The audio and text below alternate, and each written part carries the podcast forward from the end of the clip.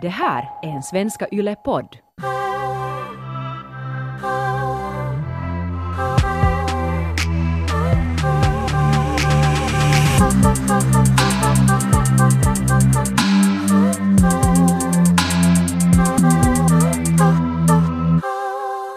Alltså jag är ju så inne nu på um, seriemördaren.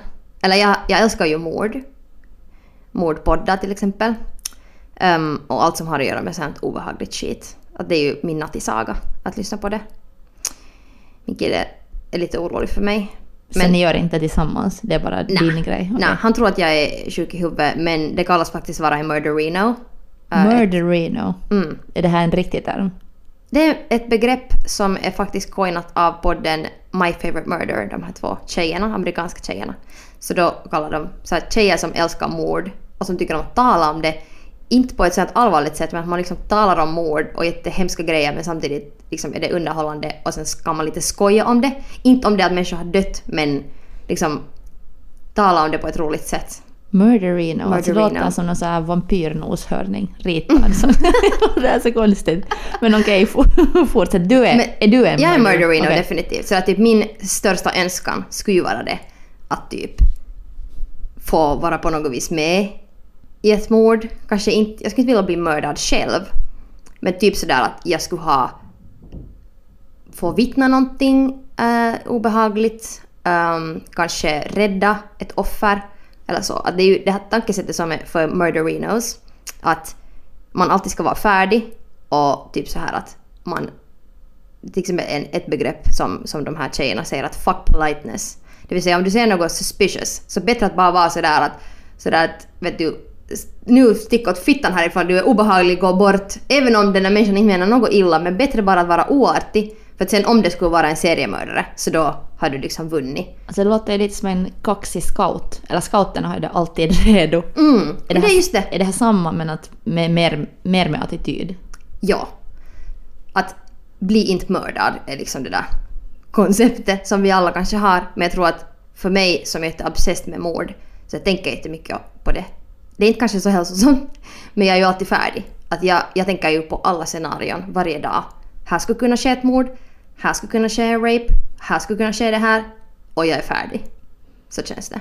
Men hur är du färdig? Har du, har du några knivar i fickan? Liksom, hur skulle du stoppa nu? Nå, kanske... Hmm. Det beror på situationen, men kanske det är just det där att man har nycklarna färdigt i god tid, så här. Mest är det att man kollar sina surroundings. Att okej, där är en suspicious typ, så jag ser hen. Oftast är det ju en man, sorry nu bara. Men där är en suspicious typ. Och sen håller man lite öga på den, på den där typen. Och så här håller sig liksom lite, går kanske till andra sidan gatan och lite sådär scanna situationen. Men det här låter ju mer som, det känns som bara allmänt en kvinna. Att går du hem på natten eller ensam någonstans så måste du ha nycklarna i fickan och, och akta dig för män. Men jag tycker om att vara färdig och, och liksom tänka med de här situationerna. Så att man inte ska bli mördad. Men när har du börjat? Eller när har ditt mordintresse börjat? Minns du? Alltså alltid när man köpte tidningar, så nu tyckte jag ju om mode och sånt här. Men jag älskar de där riktigt värsta tidningarna.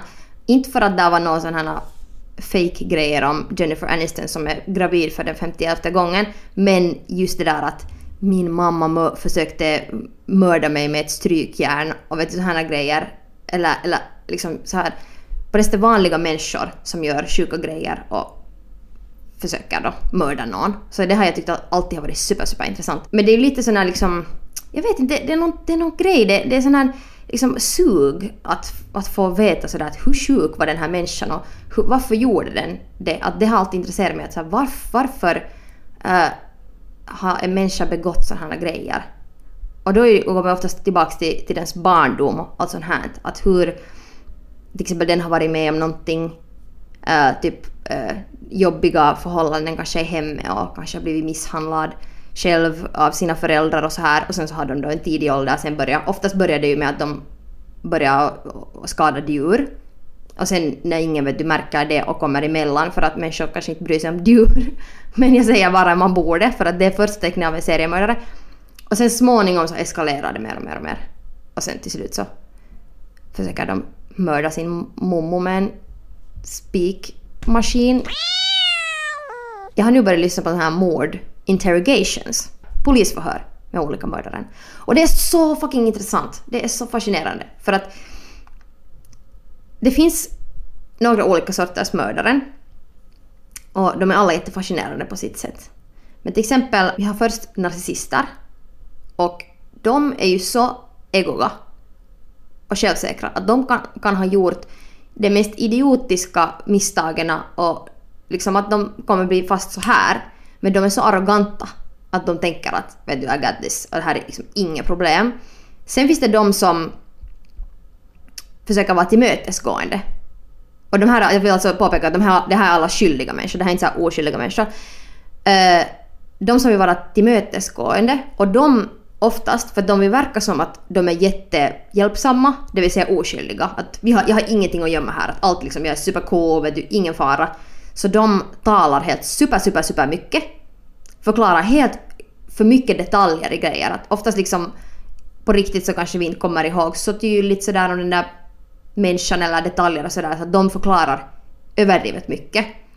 Uh, och de gestikulerar också jättemycket. Och gör massa grimaser. Vad i helvete, jag är så sån där. jag är Nej, men- sån där. Nej men vet du om... Nåja okej, kanske du är mördare. Kanske jag är. Men vet du fast din eh, barndomskompis eller någon som du har känt för tio år sedan till exempel. Som du nu har blivit mördad. Och sen så börjar de bara fråga dig sådär om hur ni kände varandra i skolan och vad ert förhållande var. Och sen, sen skulle du ju berätta som det är på riktigt.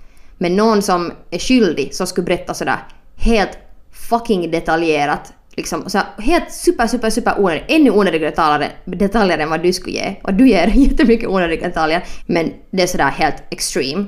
Plus sådär vet man gör såhär mm, vet du, mm, miner sådär vet du att, att de vet du, ögonbrynen far, kinderna, liksom hela ansiktet använder de. Alltså sorry men jag skulle ju just vara, om jag skulle mörda och sen hamna i en för, så de skulle förhöra mig så jag skulle vara just den där typen. Du skulle vara den, ja jag tror Ja. också. Ja. Vem skulle du vara? Eh, Eller kommer det fler typer? jag, jag, skulle, jag skulle också vara den tror jag. Ja. Jag skulle också vara den. Och sen finns det ju också då sociopater och psykopater. Och de är ju helt, vet du, ingen ånger whatsoever. Helt död blick. Och antingen inte svara alls på frågor eller sen liksom bara svara väldigt sådär distant på liksom, frågor om det här offret och sådär. Att det finns inga liksom, käns- liksom, emotioner. Och det är så superintressant. Alltså när man tittar på de här förhören just så försöker de ju få fram så här att okej, det kan ju till exempel vara en sån situation att de vet att den här personen är skyldig men för rättegången så vill de ta reda på ännu att okej, hur mycket ångrar den här personen sig? Att var det här planerat liksom, allt, allt sånt här. Och det kan de göra till exempel med att tala om offret till exempel. Tala om det där offrets potentiella framtid till exempel eller på ett sånt här empatiskt sätt liksom att, att man, man försöker se just att en människa som alltså har empati såklart blir ju sådär ah, vet du får ett jättedåligt att vara. Men där kan de säga att okej, ångrar de någonting? Har du någonsin gjort sån test att är du psykopat? Mm. Hmm. Nej, har du? ja, för du kommer på jag har en gång faktiskt lyssnat på en mordpodd. Jag ska, jag behö- måste, jag ska lyssna på The Serial, heter den? Serial. Serial, Ja. ja. Jag ska lyssna på den på grund av att jag måste göra ett research till någon illustrationsdon. Och så lyssnade jag på den och det handlar om någon psykopat. Och, och jag lyssnade på den på morgonen och jag blev så sådär shit tänk om jag är en psykopat. Och för jag tänkte så mycket på en kompis när jag lyssnade på det här Ja. avsnittet. Och sen gjorde jag, måste jag göra ett sånt test. Klockan var kanske nio på morgonen, det var måndag eller tisdag. Och sen, sen gjorde jag testet och sen visade det att jag inte var en psykopat för det kändes så mycket empati så kunde jag lugna ner mig och fortsätta med det där illustrationsjobbet. Men jag Taika- måste alltså stoppa min dag för att jag ta reda på om jag är Taika, en varför psykopat. skulle du tro att du är en psykopat? No, jag blev så... Jag levde så mycket in i det här podcastavsnittet. Jag var så shit. Att, att om jag dömer så här hårt människor omkring mig, för att jag på riktigt, när jag lyssnade på det avsnittet så var jag så här, ah, är min kompis så en psykopat, pat, eller så här, är min bekant, jag började så sådär döma andra, så var jag så att om jag nu bara stämplar andra som narcissister och psykopater så måste jag nog testa mig själv också först. Men vart går allt den här, vart, vart eller vad gör du med all den här informationen? Får hirveångest. Nej. Ehm, Så du jag får har en- orgasmisk filis som leder till ångest? Nej. Det som jag lär mig är ju att hur jag kan kanske överleva ett mord. Och sådär att om jag ser att någon annan tjej till exempel går ensam på gatan och någon vet du verkar lite suspicious så då har jag ingen problem att hojta från andra sidan gatan och säga hej! Ann-Margareta, what up? liksom att vet du long time no see. Och sen hej kom hit till andra sidan gatan ska vi chatta lite? Och sen Sen liksom så om den där typen då vänder om och sticker iväg så då vet jag ju att jag har räddat Ann-Margaret. Hellre nollar jag mig och hon är bara sådär att eh, what the fuck att vadå det där är min pojke som går två meter bakom mig han är bara lite långsam. Det där har faktiskt hänt i mig. Att, att jag har varit sådär, försökt skydda någon. Det är såhär, "Hej, det är helt okej, det där är min pojkvän. Men jag tror att, jag tror att liksom, jag skulle appreciata det jättemycket för att jag skulle vara så att hej allt är fine men tusen tack liksom att jag skulle aldrig att det är ju helt fantastiskt att man gör så. Så att vara en murderino är på riktigt att vara lite som en scout. Det är alltid redo. Att du Fa- ja. göra, försöka göra det rätta hela tiden. Ja, absolut fast mindre nördigt. Men jag undrar just, du har någon gång berättat eh, i också ett tidigare poddavsnitt om att, att när du var yngre så längtade du efter någon slags fara eller någon slags liv. Mm, det är sant. Att du kanske var lite uttråkad, ni bodde en på landet på en mindre ort och, Ja. och du, du bara väntade att på något sätt livet skulle börja, det skulle vara så här farligt och, och killar och droger och sånt. Så kan det här ha, mordintresse ha med det också att göra? Att du längtar efter att leva så du tänker på att dö? Jag tror att du slår huvudet på spiken. På spikmaskinen? på spikmaskinen. Ja, alltså det, det där... Jag inser att det stämmer faktiskt 100%. Att det är på något vis att, att känna att hur, hur känns smärta? Att jag har ju alltid haft jättepaha ångest för jag hade en sån douchebag styvpappa at the time. Så jag hade jätte, jag hade så här ångest på lågstadiet. Jag hade typ sån vet du, astma för jag hade sån ångest. Men så här eh, så kanske, jag vet inte, är det också därför man får ett så här sug för den där faran och det där att okej, okay, vad är den här känslan, jag vill förstå den. Så då vill jag få i mig saker som på något vis kanske skapar den känslan i mig mera. Alltså när jag var i lågstadiet, som jag tror att när min mordfascination har börjat, så då ljög jag ju så in i helvete. Alltså jag, jag ljög ju massor. Om allting. Att jag... Um, om jag hade glömt vet du, läxan, det är nu klassiskt det där, så då hittar jag på någon orsak till det. Det där är nu såhär level one ljugande. Men sen, så, sen eskalerade det ju för mig sådär att jag skulle hela tiden vara lite intressantare än vad jag kanske på riktigt var. Som säkert har att göra med det här, det här ut, uttråkningen.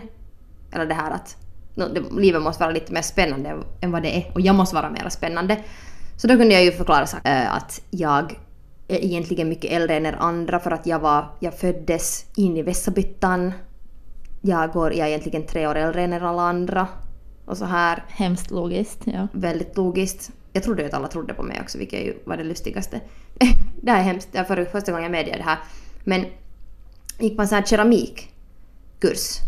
Och vi skulle göra någon sån här fisk eller nå- någonting. Någon så här, eller nej, det var så här blad. Man tryckte in ett blad. Liksom, så, här, så att det blev någon sån här ormbunke eller vad det nu så var för blad man valde och sen så blev det den här keramik liksom. Det är sånt här konstverk då med det där bladintrycket. Och sen så tog jag ju någon annans uh, vad heter det, keramikblad där när, när de var färdiga där på hyllan för min egna var så ful.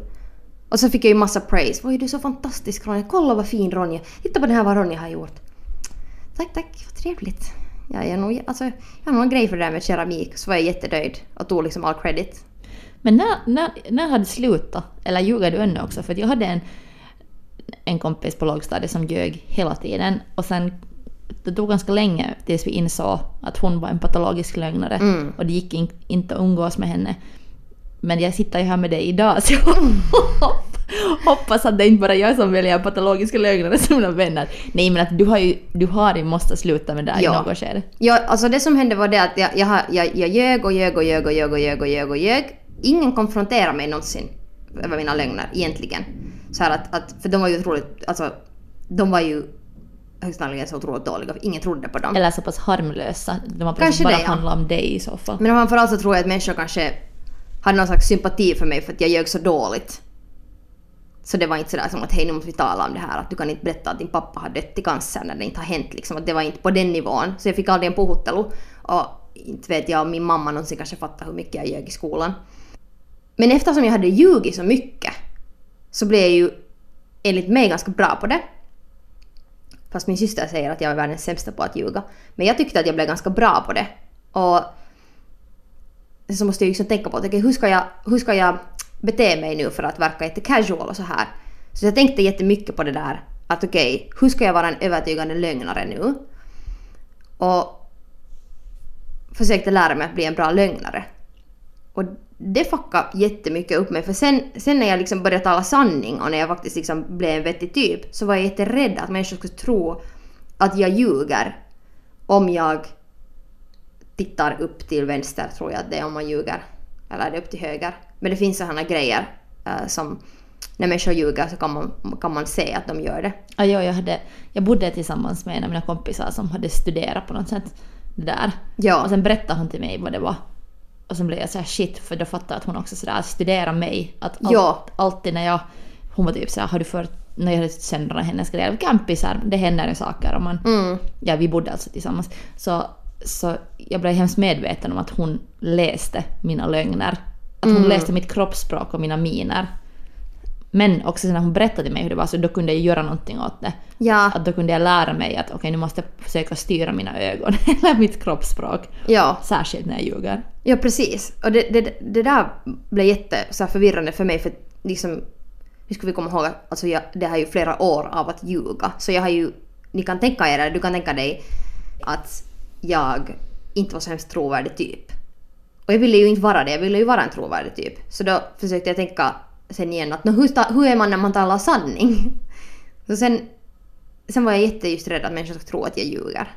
Och det var, ett- det var ju liksom att Ja.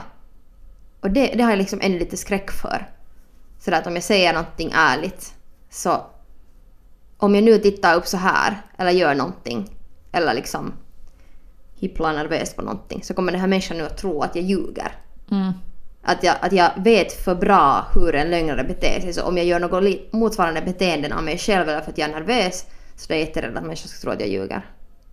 Tänker du ofta då på att om du skulle ha mördat någon och du skulle hamna i en sån här förhörssituation, hur du skulle vara? Mm. Ja.